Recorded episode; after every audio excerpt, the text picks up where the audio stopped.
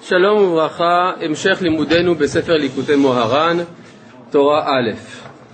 אה, לאור הניסיון של שני השיעורים הקודמים, יש לבק... אני מבקש בקשה מיוחדת למעט בשאלות, אה, במיוחד לשמור אותם לחלק המתקדם של השיעור ולא לחלק הראשון, על מנת שנוכל להבין לפחות את הצורה של הדברים, כי אצל רבי נחמן הדברים מאוד מאוד מורכבים. ואם יש הפסקה של, ה, אה, של הרצף, מאוד קשה להבין מה הוא רוצה. אז אני אה, חוזר בקצרה מתחילת הדברים, קורא את זה מהר כיוון שכבר למדנו את העיקר, ועכשיו אנחנו ניכנס לעומק. אה, אשרי תמימי דרך ההולכים בתורת השם, דע כי על ידי התורה נתקבלים כל התפילות וכל הבקשות שאנו מבקשים ומתפללים. כן, הסברנו מהו היחס בין תורה לבין תפילה. שהתורה היא התנועה האלוהית ממעלה למטה, כלומר מהאינסוף אלינו, ואילו התפילה היא התנועה מאיתנו אל האינסוף. והסברנו שהתפילה היא תגובה לתורה. זאת אומרת, הקדוש ברוך הוא פונה אלינו בתורתו, ואנחנו, מה זה? אה? זה עם חלב? אני לא, אני בשרי עכשיו. כן. טוב. אה, זה יכול בשביל היופי, בשביל אסתטית יש לזה ערך. טוב, אתה יכול לשתות את זה. אה, אז איפה היינו? כן. אה, התפילה היא תגובה לפנייה האלוהית אלינו, ולכן יש יחס בין התורה לבין התפילה.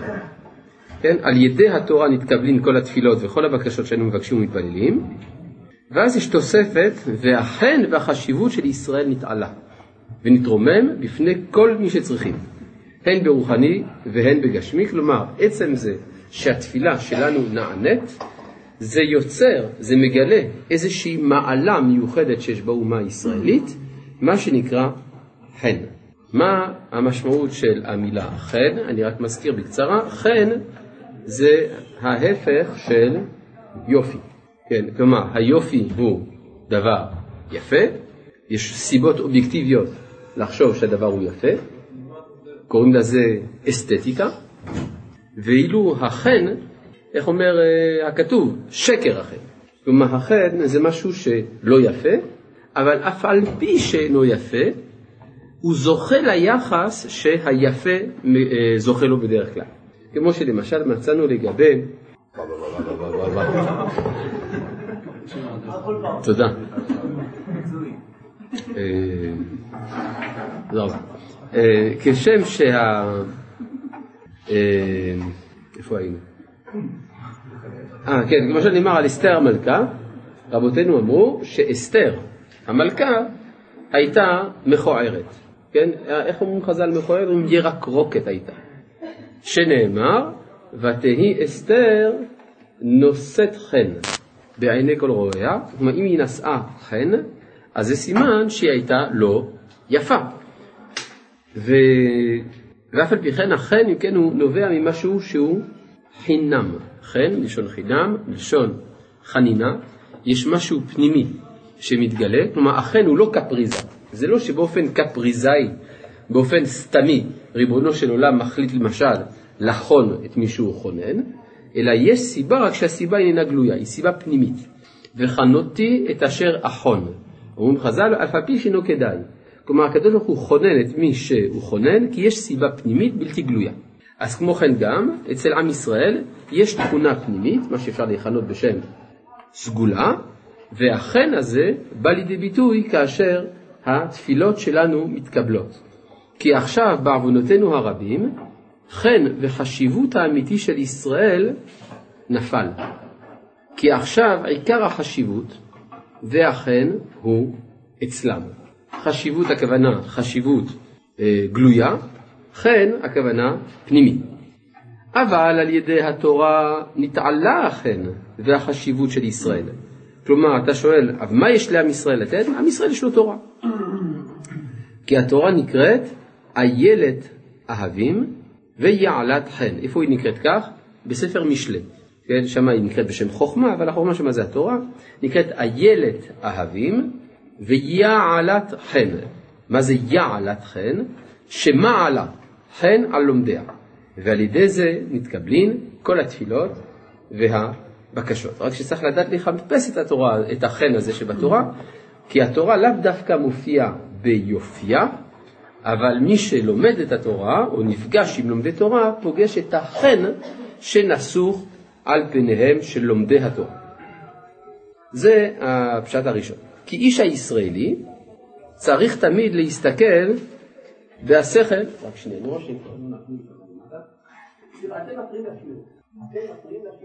כן. אה, כי איש הישראלי צריך תמיד להסתכל, מה זה הישראלי? הסברנו מה ההבדל בין ישראלי ליהודי. ישראלי הכוונה שזה היהודי שזוכר שלפני שהוא היה יהודי הוא היה ישראלי. מה זה ישראל? זה השם של האומה שלנו בימי קדם, בשעה שישבנו על אדמתנו עם מלאכינו ונביאנו והשכינה שרתה בקרבנו. זה נקרא ישראלי. מאז שגלינו מארצנו, הפסקנו להיות ישראל והתחלנו להיות במקום זה יהודים. זה, אבל היהודי זוכר שפעם הוא היה ישראלי. ויש איזשהו שלב שהיהודי מפסיק להיות יהודי וחוזר להיות ישראלי, זה כשהוא מקים את מדינת ישראל. יש במגילת אסתר פסוק מאוד מאוד מוזר בנושא הזה. כתוב, וימי הפורים האלה לא יעברו מתוך היהודים, וזכרם לא יסוף מזרעם. וכאן הבן שואל, מה זה זכרם לא יסוף מזרעם? מי הם זרעם של היהודים? התשובה היא פשוטה מאוד. זרעם של היהודים זה ישראל. כך אומר הנציב מוולוז'ין. כלומר, ימי הפורים לא יעברו מתוך היהודים כל זמן שהם יהודים, וגם כשהם יחזרו להיות ישראל, בכל זאת לא ישכחו את ימי הפורים. למה היה צורך לומר את זה? כי הרי חג הפורים הוא לכאורה חג של גלות בלבד. אז זה מקום לומר שבסיום הגלות לא יהיה מקום יותר לחג הפורים. ואף על פי כן יש משמעות לזה שחג הפורים ימשיך להיות נחגג מסיבות שלא כעת נפרט אותן. אז זה מה שנקרא איש הישראלי. איש הישראלי הכוונה היהודי המודע לשורש נשמתו, שהוא שריד של ממלכת ישראל הקדומה, כי איש הישראלי צריך תמיד להסתכל בהשכל של כל דבר, ולקשר עצמו אל החוכמה והשכל שיש בכל דבר, כדי שיאיר לו השכל שיש בכל דבר, להתקרב לשם יתברך על אותו הדבר, כי השכל הוא אור גדול, הוא מאיר לו בכל דרכיו, כמו שנאמר, חוכמת אדם תאיר פניו. כן? מה השאלה?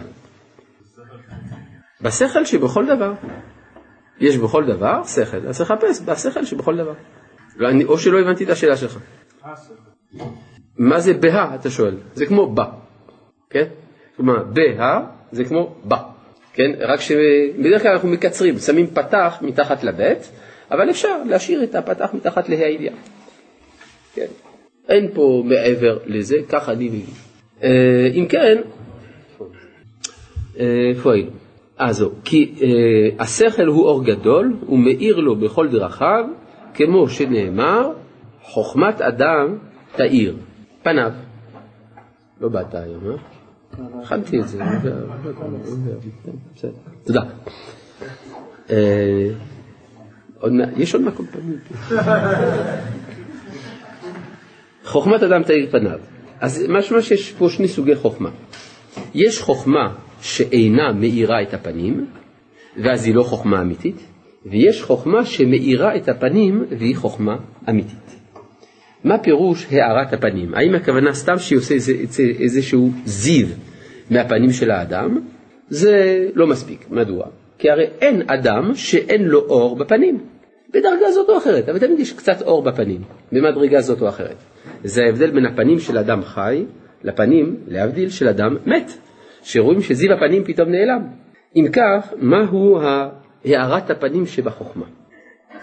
אז דיברנו על זה אה, גם היום בשיעור בכוזרי, מי ששמע, על זה שיש אה, מחלוקת בין המבוגרים לבין הילדים, כיצד להגדיר את החבר שלי.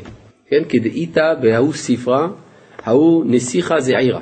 בעברית הנסיך הקטן.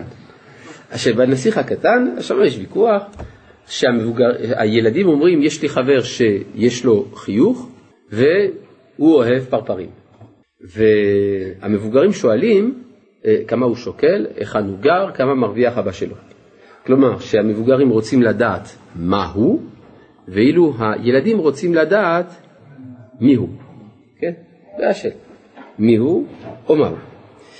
אם אני מכיר מהו האדם, אני לא צריך בשביל זה את הפנים שלו.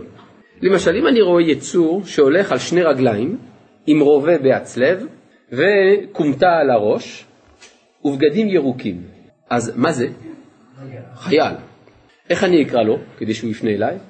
חייל, כן? אבל אם אני אסתכל עליו מהפנים, פתאום אני רואה שזה בכלל לא חייל, זה דודו. דודו זה מישהו, זה כבר לא משהו, זה כבר אישיות. כלומר, אה, וזה בעצם ההבדל שיש בין הפילוסופיה לבין הנבואה. הפילוסופיה מכירה את הדברים בתור אובייקטים, אפילו את האלוהים מכירים בתור אובייקט, הוא הסיבה הראשונה, הקטגוריה של הקטגוריות, ראשית כל הוויה, ואצלנו, הקדוש ברוך הוא זה מישהו שאומר את המילה היפה, אני, אנוכי, יש לו שם, קוראים לו י"ק ו"ק, יש לו שם פרטי, אפשר לכתוב בתעודת זהות. מה השם הפרטי של הקדוש ברוך הוא? י"ק ו"ק. שם כללי, אלוהים. כן, שם משפחה, אפשר לומר. כן, שם פרטי, מה? מה הלאום? ישראל, מה זאת אומרת? זה כאילו, אנחנו אומרים את זה פעמיים בכל יום באהבה, שמא ישראל השם אלוהינו, אלוהינו. מה? כן. אז, אה, אז זה מה שאומר כאן, שהחוכמה האמיתית היא חוכמה שמאירה את הפנים. זאת אומרת שמפגישה עם האישיות. חוכמה שיש בה אישיות היא החוכמה האמיתית. היא מגלה את הרצון, לא רק את החוכמה, אלא את הרצון שמאחורי החוכמה. אה, יש פה שתי שאלות יפות, אבל אני לא אתייחס אליהן כי זה פשוט, אני לא רוצה לקטוע את הרצף של השיעור במחילה. טוב, וזה בחינת יעקב. כלומר, החוכמה הזאת, שהיא חוכמה שמאירה את הפנים, היא חוכמה שמיוחדת לא לאריסטו או לסוקרטס, אלא זאת חוכמתו של יעקב אבינו. וזה בחינת יעקב, כי יעקב זכה לבכורה שהוא ראשית, שהוא בחינת חוכמה. איפה אנחנו רואים את זה? כמו שכתוב, ראשית חוכמה. כלומר, יעקב זוכה לבכורה, בכורה זה חוכמה, אם כן יעקב בחינת חוכמה. בסדר? זה כישורים כאלה. וזה בחינת ויעקבני זה פעמיים, כי עשיו אומר לו, אומר, אחי קרא שמו יעקב ויעקבני, כלומר הוא קראו יעקב על שם העוקבה. ומהי העוקבה? ותרגום אונקלוס וחכמני. כלומר, החוכמה זה יעקב. וזה בחינת שמש, כי השכל הוא מאיר לו בכל דרכיו כמו השמש. עכשיו, יש מקום פה להתבונן, מה זאת אומרת אה, שמש? יעקב זה שמש? מעניין. יש פסוק ב... יש פסוק בפרשת ויצא, כתוב, ויפגע במקום, ויעלן שם, כי בא השמש. מה פירוש? מה, מה, יש בעיה? לא מוצאים את הספר? מה, מה קרה? זה תורה א' בליקוטי מוהר"ן, מה מסובך כל כך? מה, צריך להביא ספר, מה זה? היום הספרים האלה אפשר להשיג בכל דוכן, מה זה? אה, יש עם אה, כל ה... יש כמה מהדורות, יש מהדורות עם כל הציור הקיצ'י הקלאסי, ויש אה, כאלה עם זוהר כזה, יש הכל, בשביל כל ה... יש עם מעיינות, מה שרוצים. טוב, אבל ויעלן שם כי השמש. על מי זה נאמר? על יעקב אבינו. אולן שם, איפה? בבית אל, כי השמש. מה פירוש בא השמש? שקעה. שקעה השמש. כן? ביאת השמש, מבוא השמש, כוונה מקום השקיעה. זאת אומרת, כשיעקב אבינו יוצא לגלות, זאת השקיעה של השמש. כן, זה מובן, נכנסים ללילה, לילה ארוך של הגלות. בא השמש. מצד שני, זה קצת מוזר הביטוי הזה בעברית. בא השמש בשביל להגיד שהיא שקעה. אדרבה, ביאת השמש היא משתמע כאילו זריחה, נכון? אני מבין, לבוא הכוונה להיכנס. כן, לבוא בעברית זה להיכנס.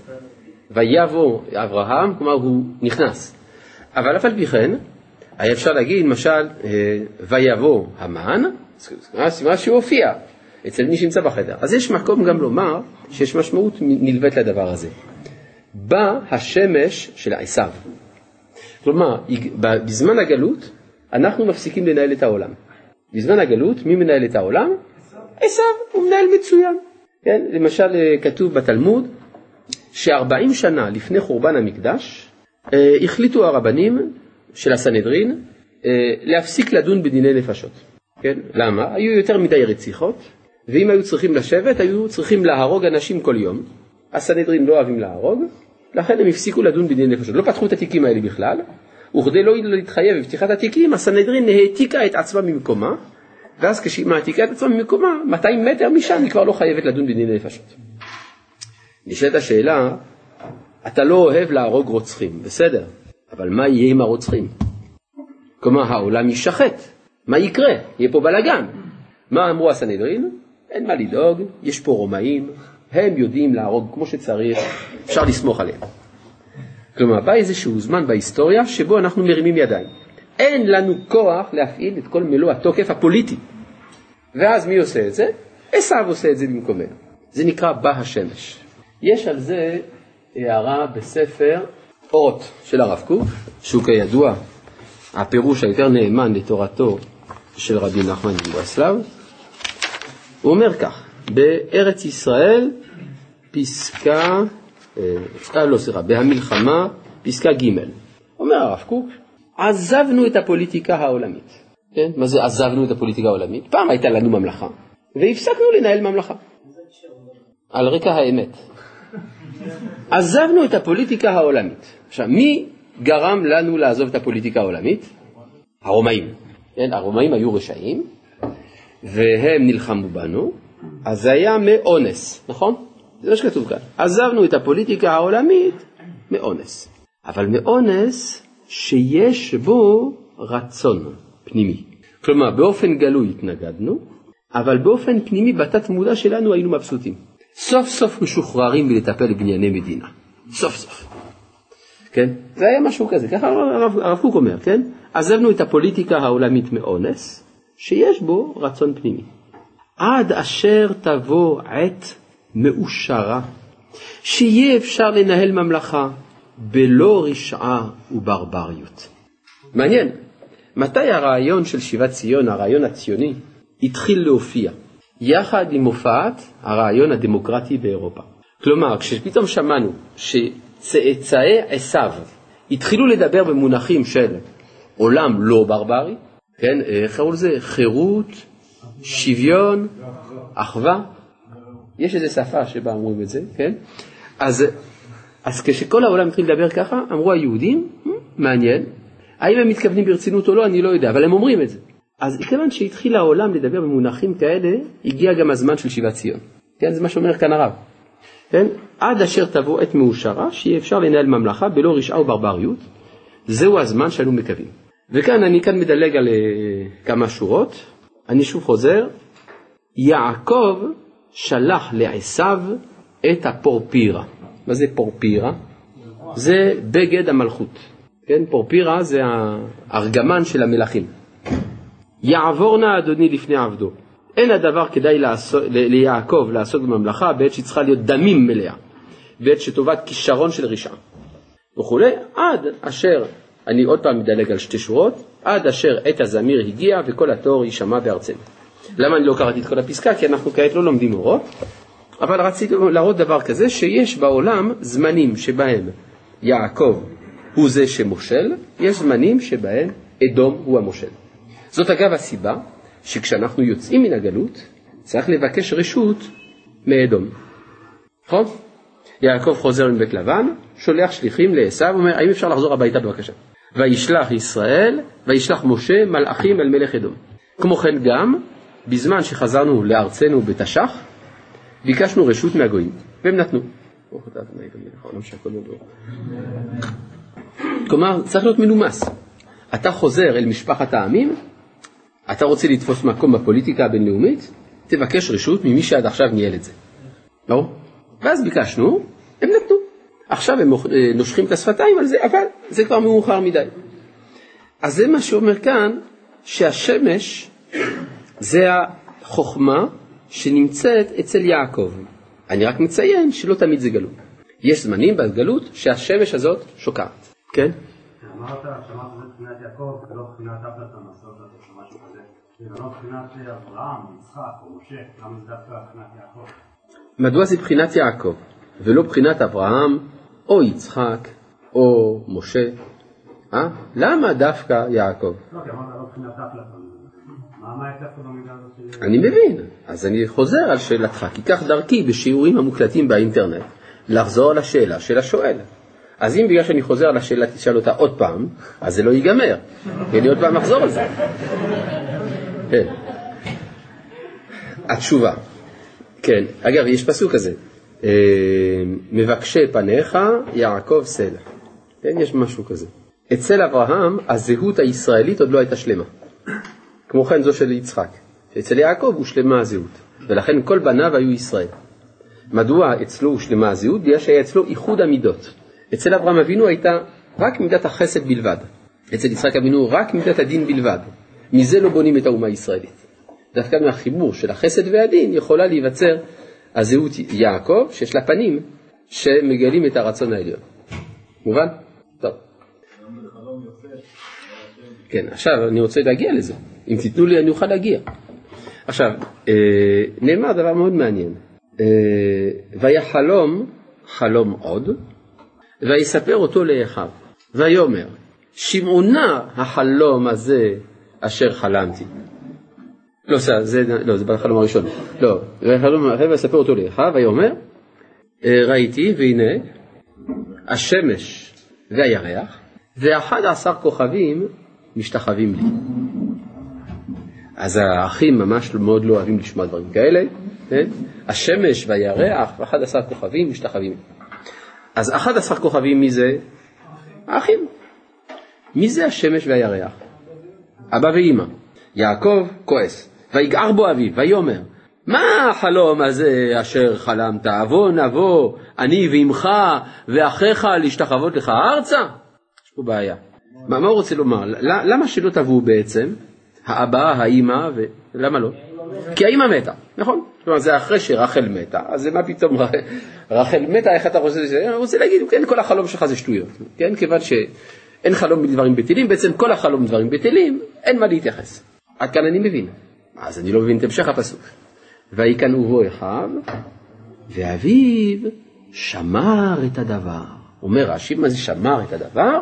מצפה היה לראות מתי יתקיים. מה זה מצפה לראות מתי יתקיים? הרי החלום הזה לא יכול להתקיים כיוון שרחל מתה. אלא הכוונה שיעקב ידע שזה לא הפירוש האמיתי. שהשמש והירח זה לא יעקב ורחל. אז מי זה השמש והירח? השמש והירח זה יעקב. זה יעקב בעצמו.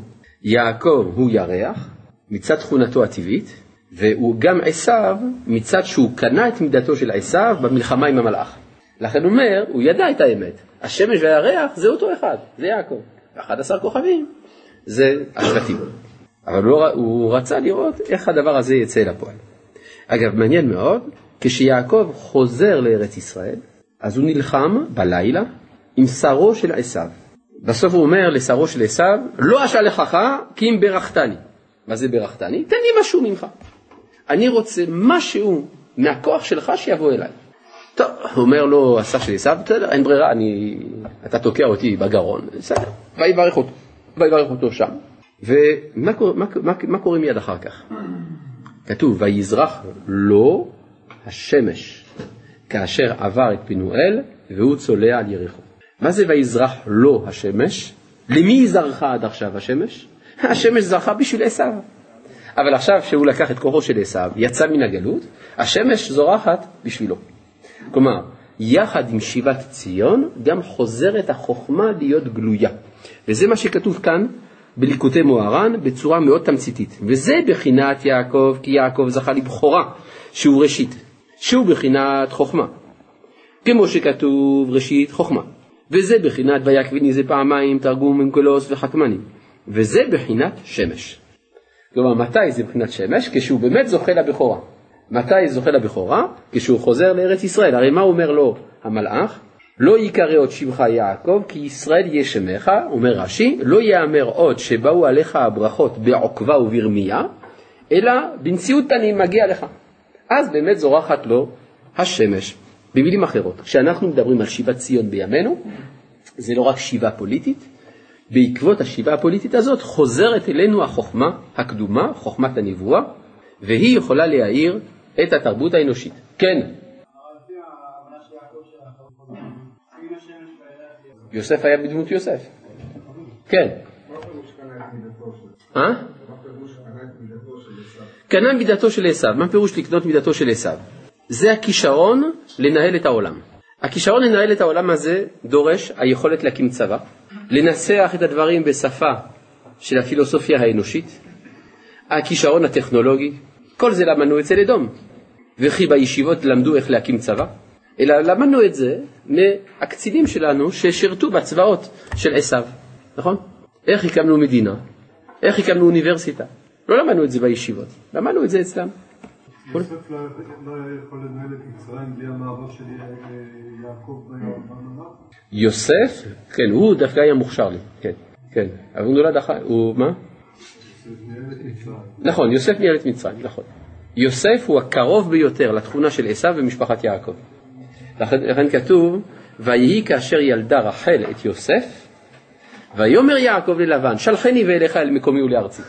אומר רש"י, נולד שטנו של עשיו. סוף סוף אחד שיכול להתנגד לו. כן, כאשר ילדה רחל את יוסף, יוסף בגימטריה, ציון. סוף סוף הציונות נולדה, יאללה, אפשר, אפשר ללכת. טוב, אה, איפה היינו? וזה בחינת ואורח צדיקים, כאור נוגה הולך ואור עד נכון היום. מה זה אורח צדיקים כאור נוגה? אור נוגה זה אור שהוא על הגבול בין החושך לבין האור. זה משהו, נגיד במונחים ערכיים, ספק אם זה טהור או אם זה טמא. אז איך, מה, מה עושים עם אור נוגה? תלוי. כשהוא נפרד, אז הוא טמא. כשהוא מחובר אל הקודש, טהור. כן, זה בחינת תוספת חול על הקודש. חול זה רע? לא. חול זה יכול להיות טוב. אם זה טוב, תחבר אותו אל הקודש. זה בחינת אור נוגה. אבל יש לפעמים שהצדיקים הולכים באורחות. מה זה אורח? זה שביל קטן. יש לפעמים שהצדיק, במקום ללכת בדרך הכבושה לכולם, פתאום נראה שהצדיק השתגע. מה קרה לצדיק? הוא הולך עכשיו באורח, אה, באורח מאוד משונה. זה נראה כמו קצת חשוך שם. אומר הצדיק, אל תדאגו, אני יודע מה שאני עושה. אני הולך דווקא באור נוגה. כי הנוגה הזה הולך ואור, הולך ומתגדל. עד נכון היום פתאום מתברר שהדרך שבה אני הלכתי זה הדרך שבה כולם היו צריכים ללכת מקודם. וזה בחינת חייס, לשון חייס, חטא, לשון חיות. כן, צריך להבין הרבה פעמים, כדי להבין את המשחקי מילים של רב נחמן, צריך להבין את ההקשר הלשוני שבו הם נאמרו. כן? חטא מלשון חיות. כי היוד של האות חטא באשכנזית, מבטאים אותה, חייס, כן? אז זה נשמע כמו חייס, כן? כי, וזה בחינת חטא, לשון חיות. כי החוכמה והשכל הוא החיות של כל דבר. כן? כמו שכתוב, החוכמה תחיה בעליה. יש גמטריה קדומה, חכם בגמטריה חיים. כן? אז יש חוכמה שהיא קפואה. אתה משיג את החוכמה, זה לא מחיה. למשל, אתה יודע ששתיים ועוד שלוש שווה חמש. זה מחיה או זה לא מחיה? זה יבש, לא? שתיים ועוד שלוש שווה חמש. זה יבש. ויש שהשתיים והשלוש מלאי חיות, וכשמתחברים נהיה חמש, פו, איזה חיות, כן? זה אגב חוכמת המספרים הקדומה. אצל היוונים העתיקים, המספרים זה לא כמו אצלנו, סתם אה, אה, סימנים כדי לדעת כמה מטבעות יש לך בכיס או כמה סוכריות יש על השולחן. אלא זה היה, תוכן החיים היה המספרים, אצל הפיתגוראים למשל. רואים את זה אצל המהר"ל מפראג, שאצל המהר"ל מפראג יש למספרים משמעות, כן? אה, אז הוא אומר, כי החוכמה, כמו שכתוב, החוכמה תהיה בעליה. אך מחמת שאור השכל גדול מאוד. כן, הרי בעצם רב נחמן הציב לפנינו דרישה קשה מאוד להשגה. איש הישראלי צריך תמיד להסתכל בהשכל שבכל דבר. שמע, אני לא, אני בקושי מצליח להסתכל בדלת אמות שלי, אתה אומר להסתכל בשכל שבכל דבר, מי אני, מה אתה, אתה מדבר שטויות. אני צריך להסתכל בשכל בכל דבר? איך אני אגיע לזה בכלל? הרי השכל שבכל דבר זה שמש מהירה, איך אפשר להגיע לזה? אומר, יש אפשרות, על ידי הענווה. כן, אך מחמת שיעור השכל גדול מאוד, אי אפשר לזכות אליו כי אם על ידי בחינת נון, שהוא בחינת מלכות. כן, מה זה נון? ענווה. כן, אנחנו עוד מעט נבין את זה. אבל אה, תכונה הכרחית כדי להבין מהי התורה, כדי להבין את התורה בכלל, זה לפתח בנפש תכונה של קבלה. אם אני לא מפתח בנפש תכונה של קבלה, אז התוכן גבוה מדי בשביל שייכנס בקרבי. כן, אין המלא נכנס לתוך המלא. המלא יכול להיכנס לתוך הריק. אז אם אני פתוח, התוכן יכול להיכנס בקרבי. זה דורש אגב, מבחינה מסוימת, לסלק מהנפש את כל הדעות הקדומות. יש הרבה פעמים אה, אמירה חסרת כל היגיון שנקראת, אה, תשמע, אני רציונליסטי. אה, אתה רציונל, רציונליסט אתה? מה זה להיות רציונליסט? בדרך כלל כשמתגאים בביטוי הזה, אני רציונלי, המשמעות של הביטוי היא, יש מסקנות שאני לא מוכן להגיע אליהן. כלומר, אתה מראש קבעת מהו המרווח של המסקנות שהמחשבה שלך יכולה להגיע אליו. זה, זה סגירות בעצם. אז זה לא שצריך לוותר על השכל, אלא אדרבה, כדי להגדיל את השכל, צריך להיות עם פתיחות. זה דורש בעצם מבחינה מסוימת חוש הומור. מי שאין לו חוש הומור, לא יכול לפתח רעיונות חדשים. היה יהודי אחד לפני כמה עשרות טובות של שנים,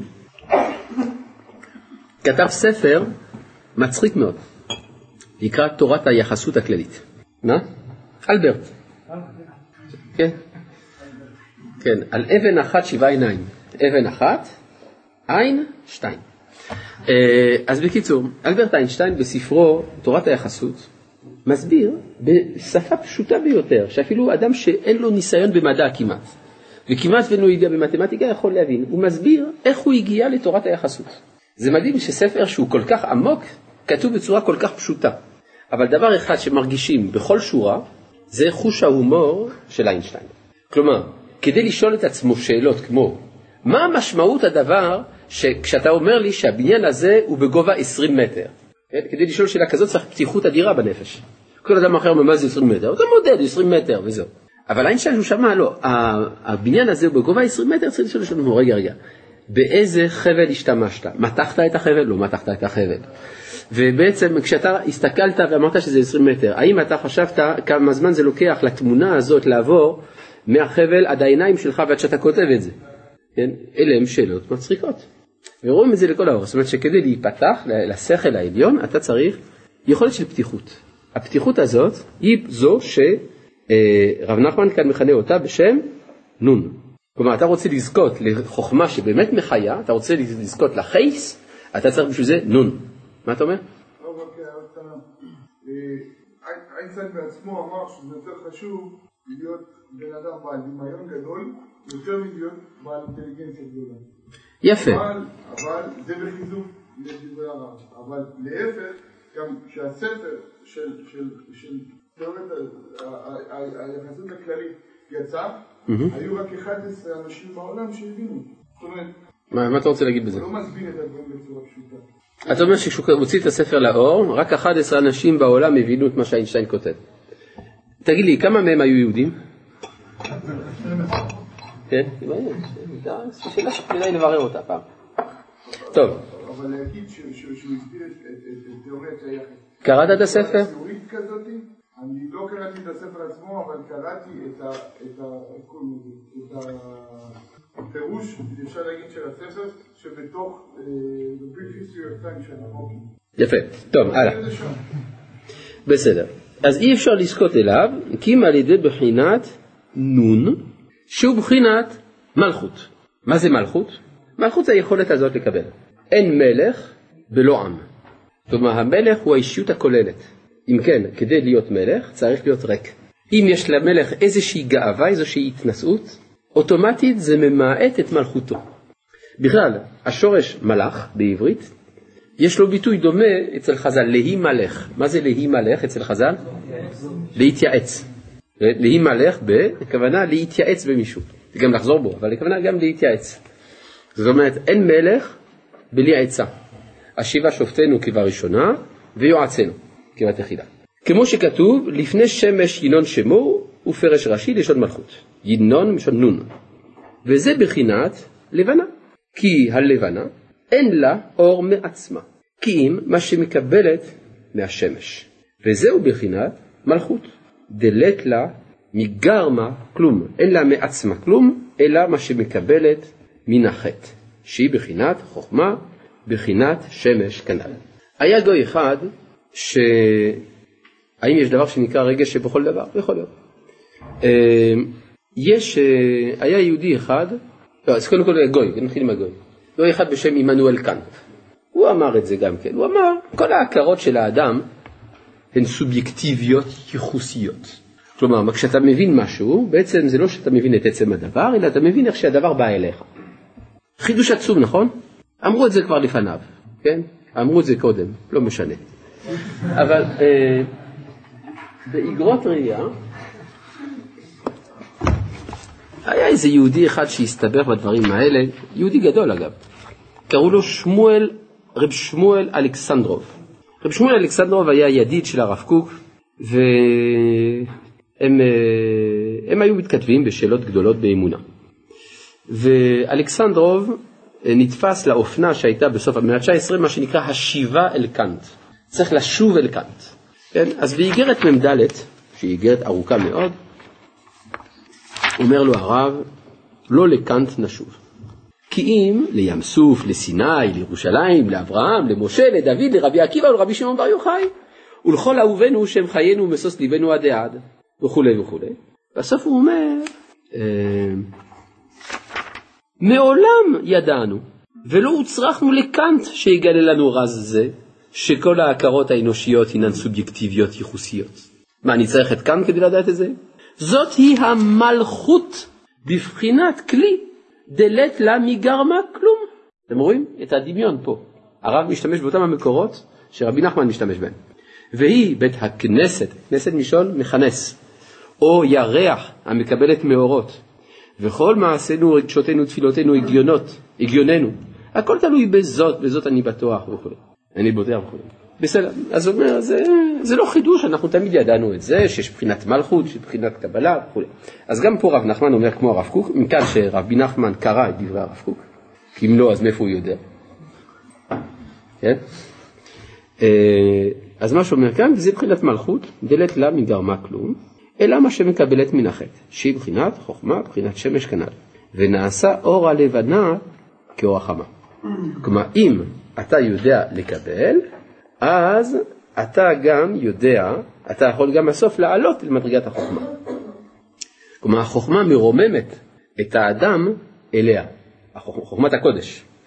כן, כפי שהרב קוק כותב באורות הקודש, חלק א', יש פה אורות הקודש, חלק א'.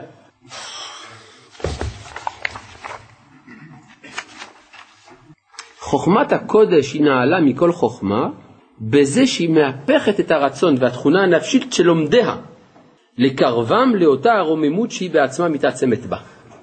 מה שאין כן, כל החוכמות העולמיות, אף על פי שהן מציירות עניינים נשגבים יפים ואציליים, אין להם אותה התכונה המפעלית להמשיך את המהות העצמית של ההוגה בהן אל ערכן. כלומר, אדם לומד חוכמה כלשהי בעולם, אבל החוכמה שהוא לומד, הוא לא עולה אל מדרגת החוכמה. עכשיו, אם אדם לומד מתמטיקה, הוא לא הופך להיות מספר. הוא לומד גיאומטריה, הוא לא נהיה משולש. מה שאין כן, חוכמת הקודש היא נעלה בזה שהיא מרוממת את העוסק בה אל מדרגתה.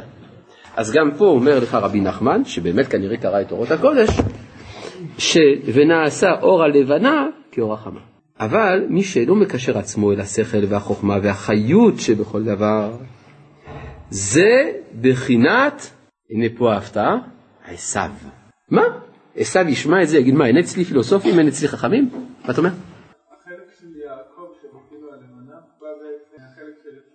גם חלק של יעקב שקיבל מהמלאך, כאילו זה חלק של המלאך של עשיו, של השמש, אז הלבנה לא רואים אותה כביכול. נכון. אין כאילו ליעקב חלק בלי חלק של עשיו? נכון. כלומר, עם ישראל הוא לא ישראל כל זמן שהוא לא גם יעקב וגם עשיו. אם תעשה נוסחה מתמטית, יעקב פלוס עשיו שווה ישראל. בסדר? וזה בדיוק העניין, איך כתוב שם, הכל כל יעקב והידיים ידי עשיו ולא הכירו כי היו ידיו כדי עשיו אחיו שעירות ויברכהו. נשאלת השאלה, איך יצחק מברך בן אדם שהוא לא יודע מי הוא? כלומר, הוא אומר, הכל כל יעקב, הידיים ידי עשיו. נו, אז תחליט, מי, מי פה? אתה לא יודע. ויברכהו. למה הוא בירך? כי הוא מרוצה. סוף סוף בן אדם שיש לו גם קול של עשיו, גם קול של יעקב וגם ידיים של עשיו, ראוי לברכה. זה ישראל. בסדר? כן.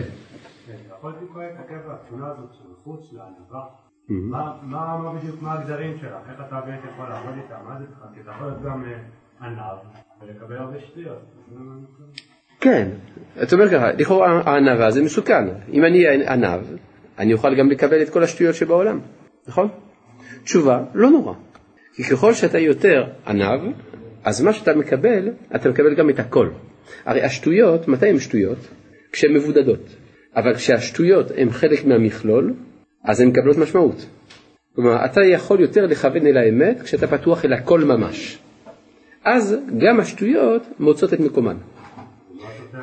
כמו שלמשל רבי יהודה הלוי אומר, יש אנשים שיש להם אמונה טבעית. מה זאת אומרת אמונה טבעית? הם כל כך מחוברים אל האמת, שכשהם רואים דעה של שטות, הם מיד יודעים איפה מקום הטעות. מובן?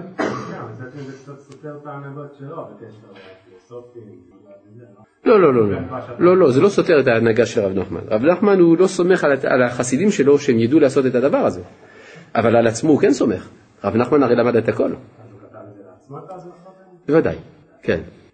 טוב, כן. זה לא מסביר גם את הפעולה שבה, שבה זה מזקק את האמת מתוך השטויות, אפילו עם השטויות מתוך התוכן. זאת אומרת, כמביט, אדם לא יכול לדעת. זאת אומרת, אם השטויות כלולות בתוך התוכן עצמו, האדם כמביט לא מחויב לדעת מה שטויות או, לא, או מה לא שטויות. הרב אמר את זה כאילו זה דבר. השטויות הן מתבררות כשאתה לומד את הכללות. אם אדם לומד רק איזה שטות, או קצת חוכמה, קצת שטות, הוא יהיה מבולבל. אבל אם האדם למד את הכל, אז הוא מיד, מיד רואה איפה האמת ואיפה השטות. זה לא פותר את הדילמה של המביט. זה לא לא פותר את מה זה המביט? לא הבנתי כלום. זאת אומרת, זה- לא פותר את זה שאני רואה גם את השטויות וגם את האמת, ואני פשוט לא יודע מה זה מה. אם אתה רואה גם את השטויות וגם את האמת ואתה לא יודע מה זה מה, סימן שלא למדת מספיק. אז תלמד עוד, ואז זה יתברר. בסדר? כן. כבוד הרב אמר שהחיבור בין יעקב לעשיו זה ישראל, אבל אה, נשמע כאילו זה יצור אחד.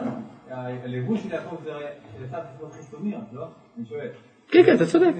אפשר לשאול את זה, רק בשביל להתעסק בעולם הזה, לא... בסוף נהיה ישראל, לא? זה לא רק יעקב עם ידי עשיו. בסוף יעקב הופך להיות ישראל. כן? טוב, כן. ינון? הוא מסביר לך, ינון שמו כי פירש רש"י לשון מלכות. שתסביר לך שנון זה לשון מלכות. ינון, כן, לא, אבל מלשון נון. נון. ינון יעשה נון. טוב, בואו נמשיך. וזה בחינת עשיו שבזה או ביזה את הבכורה. כמו שכתוב, וייבז עשיו את הבכורה, דהיינו השכל כנ"ל בחינת לא יחפוץ כסיל בתבונה כי אם בהתגלות ליבו. כלומר, באמת, התרבות המערבית איננה מעוניינת בחוכמה באמת, אלא היא מעוניינת בלהתעסק בחוכמה. איך נקראים גדולי החכמים של אומות העולם? פילוסופים. מאיפה בא הביטוי הזה? פילוסופים. פילו, אוהב, סופיה, חוכמה. אולי תגיד סופוס, חכם. מה זה פילוסופוס? זה מין הכרה כזאת שאני אוהב את החוכמה, אבל התייאשתי מלהגיע אליה. כן, כלומר, החוכמה היא אובייקטיבית, היא שמש מהירה, אני לא יכול לגשת לשם, כן? זה מה שהוא אומר כאן. לא יחפוץ כסיל בתבונה, אם בהתגלות ליבו. כלומר, מה החיסרון הראשי בפילוסופיה הכללית? שהקריטריון של האמת הוא קריטריון פנימי. כלומר, למה פילוסוף קורא אמת? למה שנראה לו, בסופו של דבר. כלומר, איך שלא נסובב את זה, הפילוסוף מחליט, זה נקרא אמת, כי אני החלטתי שזה אמת. בסופו של דבר זה התגלות ליבו. מה שאין כן, תלמידי חכמים, הם לומדים את דבר השם שנגלה אל הנביאים, ואנחנו משתמשים בשכל כדי להבין את מה שהנביאים אמרו.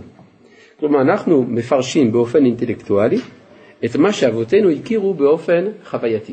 לכן, אצל עשיו נאמר לא יחפוץ כסיל בתבונה. הוא לא רוצה להבין את זה על פי ההתגלות, הנקראת תבונה.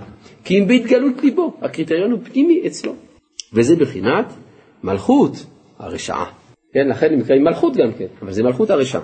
בחינת לבנה דסתרא אחרא, שעליה נאמר, וחפרה הלבנה ובושה החמה. וזה בחינת יצר טוב ויצר הרע. או מה שכאן הוא מתחיל להגיד, הוא בא בעצם להגיד, כאן רב נחמן, שההחלטה לאן לכוון את החוכמה היא החלטה מוסרית.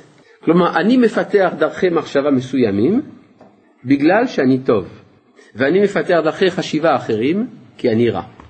כלומר, אני מחפש את ההצדקה התיאורטית ליצר הטוב, או את ההצדקה התיאורטית ליצר הרע. זה מה שאומר כאן, זה בחינת יצר הטוב, יצר רע, כי היצר טוב נקרא מסכן וחכם, נכון? זה כתוב בקהלת. בחינת מלכות, שהיא בחינה ענייה ודלה, דלת לה מגרמה כלום, כי מה שיקבלת מחוכמה. ויצר הרע נקרא מלך זקן וכסיל. בחינת מלכות דסתרא אחרא, שינה חפצה בחוכמה ושכל. בחינת לא יחפוץ כסיל בתבונה וכולי כנ"ל. וצריך כל אחד ליתן, אגב יש אה, סיפור בסיפורי מעשיות של רב נחמן, נקרא מעשה בחכם ותם, מכירים? סיפור חמוד כזה, מעשה בחכם ותם. אני לא אכנס עכשיו לכל הסיפור, זה סיפור ארוך מאוד. אני רק רוצה להזכיר שבסיפור החכם מסתבך מאוד, נכון? מה קורה כשיש גדולי עולם במחלוקת? אה, מצטערים מאוד. עכשיו, אה, כן, מעשה בחכם ותם. החכם שם בסיפור, אם אתם זוכרים, הוא מסתבך מאוד. מסתבך בפילוסופיה, בשטויות, בסוף הוא לא יוצא מזה. מי מוציא אותו? התם. התם, אני רוצה להזכיר למי שקרא את הסיפור, או מי שלא קרא את הסיפור, התם מתמנה כבעל תפקיד בבית המלך. והוא מתמנה בבית המלך, וכיוון שמשמש בבית המלך, קונה קצת חוכמה. כי כך דרכם של הנמצאים בבית המלך, שעוסקים בחוכמות. ואז החוכמה שהוא קונה היא חוכמה בריאה, ועל ידי החוכמה שהתם קנה, הוא מוציא את החכם מן הבוץ. כן? כלומר, יש חוכמה שיסודה בתום. אה, הרב קלנר בספרו הקריטריון לאמת והקריטריון למוסר יוצא נגד הפלורליסטים באופן חורץ, ואילו הרב אומר שהכל סובייקטיבי. מהו ההבדל ביניהם בתודה מראש? אין שום הבדל. הרב קלנר הוא נגד פלורליזם, בצדק. זה שהכל סובייקטיבי, זה גם נכון. זה שני דברים שונים. מה... ולא קרב זה אל זה כל הלילה. הלאה. אה, וצריך כל אחד ליתן כוח לבחינת מלכות דקדושה להתגבר על מלכות דסתרא אחרה. כלומר, האדם, בכל אדם יש שתי נטיות. נטייה למלכות שטחית, מלכות דסתרא אחרה, דהיינו החוכמה הפילוסופית שהיא חיצונית, לבין החוכמה אה, של סתרא דקדושה, מלכות דקדושה, ששם יש הכרת הפנים. ולכן צריך כל אחד להתגבר על מלכות דסתרא אחר, כמו שאמרו חז"ל, לעולם ירגיז אדם יצר טוב על יצר הרע. אתם רואים, פה רואים בצורה בולטת מאוד, מהו הרקע הכללי של תורתו של רב נחמן. המלחמה בכפירה. כלומר, הוא צפה מראש שזאת תהיה הסוגיה המרכזית שתעמוד בעולם מהתקופה שלו ואילך, ולכן הוא מכין אותנו למלחמה הזאת. ועל ידי מה שנותן כוח למלכות וקדושה, על ידי התורה שהוא עוסק בכוח, כמו שאמרו חז"ל, שם לעולם ירגיז, אי אז ילמותה ואם לא יעסוק בתורה, וכמו שאמרו חז"ל, אם פגע בך מנוול זה, מושכהו לבית המדרש. כי על ידי התורה נותן כוח למלכות דקדושה, ואזי מקבל את המלכות שהיא בחינת נון, חיות מן החוכמה שהיא בחינת חטא. ונתחבר ונתקשר החטא והנון, ונעשה אור הלבנה כאור החמה, וכשזה קם זה נופל, ואז נופל ונתבטל מלכות הרשע, כמו שנאמר, כי ישרים דרכי השם, צדיקים ילכו בם ופושעים ילקשו בם, היינו על ידי דרכי השם, היינו התורה, על ידי זה הצדיקים שדבקים במלכות הקדושה, הם מתחזקים ומקבלים כוח. על ידי זה, ופושעים ייכשלו בם בחינת מלכות הרשעה, בחינת היצרה שנופל ונכנע על ידי התורה כנ"ל. כלומר, החטא והנון מתחברים, ואז נעשה חן. ועל ידי זה נתקבלים כל התפילות והבקשות. כי עיקר מה שאין מתקבלים הבקשות, הוא מחמת שאין לדברים חן, והם נכנסים בלב של זה שמבקשים ממנו. אני מבקש משהו ממישהו, הוא אומר, תבוא מחר. למה? כי לא מצאתי חן בעיניו. כאילו אין בליבו מקום שייכנסו הדברים בליבו. כלומר, הלב שלו מלא מעצמו, ולכן הוא לא מצא חן. מחמת שאין למבקש חן שייכנסו הדברים בליבו של זה שמבקשים ממנו. אבל על ידי התורה, שעל ידי זה מתחברים ונתקשרים הנון והחטא כנ"ל, ונעשה חן, ועל כן נקראת התורה יעלת חן, אזי זוכה שדבריו הם דברי חן. ואז מתקבלים דבריו ובקשותיו כמו מי שמדבר דברי חן, שנכנסים הדברים בלב המתבקש, דהיינו זה שמבקשים ממנו, וזה בחינת תו. מה זה תו? חותמת, נכון? תו, זה סימן, חתום. היינו, על ידי שנתחברו ונתקשרו החטא והנון ונעשה בחינת חן, על ידי זה נעשה בחינת תו, שהוא לשון חקיקה ורשימה, כמו שכתוב ויתווה תא תו, פסוק ביחזקאל. כי על ידי החן נחקק ונרשם מקום בלב המתבקש לקבל הבקשה, כי על ידי, אה, כי על ידי החן נתקבלו דבריו, נמצא שבחינת החן חקק מקום בלב זה שמבקשים ממנו, כדי שייכנסו דבריו בליבו ויקבל בקשתו, והחקיקה ורשימה זו, והרשימה זה בחינת תו כנ"ל, וזה בחינת דברי חכמים בנחת נשמעים, נחת דייקה. היינו בחינת חן, הנ"ל, והתו, נחת. ועל ידי זה נעשה אותיות נחת, ואז נשמעים דבריו ונתקבל בקשתו כנ"ל. ואת ההמשך נראה בפעם הבאה. שלום.